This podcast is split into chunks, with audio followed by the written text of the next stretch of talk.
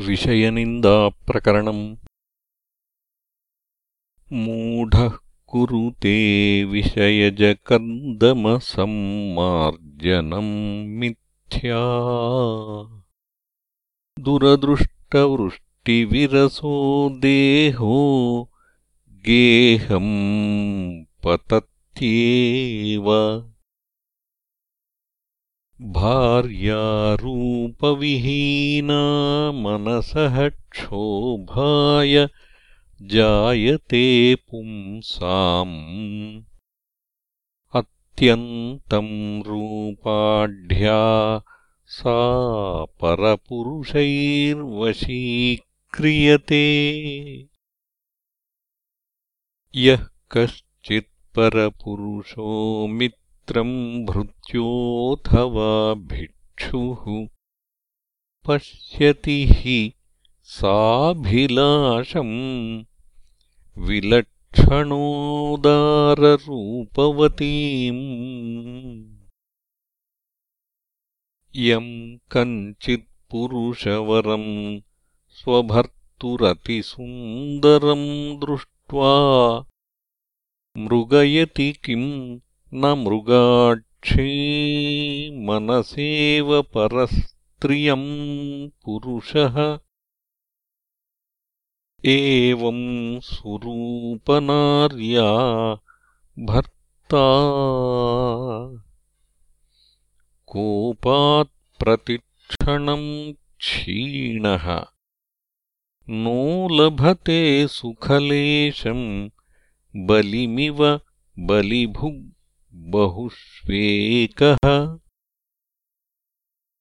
वनितानितान्तमज्ञा स्वाज्ञामुल्लङ्घ्यवर्तते यदि सा शत्रोरप्यधिकतरा पराभिलाषिण्यसौ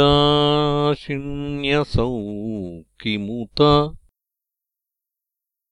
लोको नापु पुत्रस्यास्तीति श्रुत्यास्य कः प्रभाषितो लोकः? मुक्तिः संसरणम् वा? तदन्यलोकोऽथवा नाद्यः?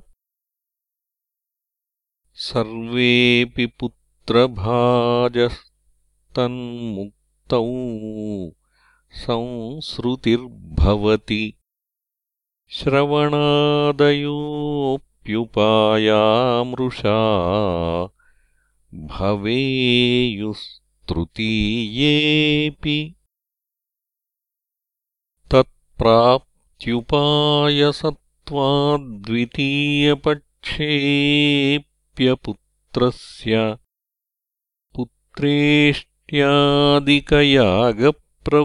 पुत्रेष्ट्यादिकयागप्रवृत् वेदवादोऽयम् नानाशरीरकष्टैर्धनव्ययैः साध्यते पुत्रः। उत्पन्नमात्रपुत्रे जीवितचिन्तागरीयसी तस्य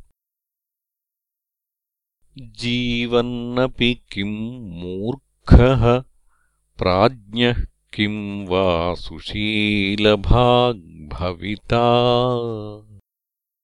जारश्चौरः पिशुनः पतितोद्यूतप्रियः क्रूरः। पितृमातृबन्धुघाती मनसः खेदाय जायते पुत्रः।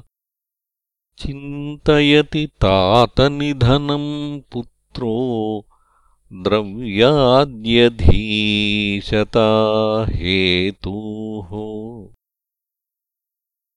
सर्वगुणैरुपपन्नः पुत्रः कस्यापि कुत्रचिद्भवति सोल्पायू रुग्णो वा ह्यनपत्यो वा तथापि खेदाय पुत्रात् सद्गतिरिति चेत्तदपि प्रायोऽस्ति युक्त्यसहम् इत्थम् शरीरकष्टैर्दुःखम् सम्प्रार्थ्यते मूढैः।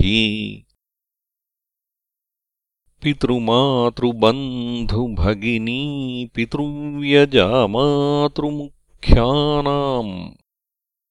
मार्गस्थानामिव युतिरनेकयोनिभ्रमात् क्षणिका।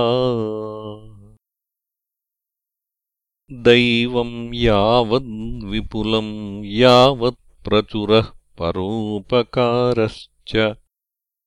तावत् सर्वे सुहृदो व्यत्ययतः शत्रवः सर्वे। अश्नन्ति चेदनुदिनम् वन्दिन इव वर्णयन्ति सन्तृप्ताः तच्चेद्वित्रदिनान्तरमभिनिन्दन्तः प्रकुप्यन्ति दुर्भरजठरनिमित्तम् समुपार्जयितुम् प्रवर्तते चित्तम् लक्षावधिबहुवित्तम् तथाप्यलभ्यम् कपर्दिकामात्रम्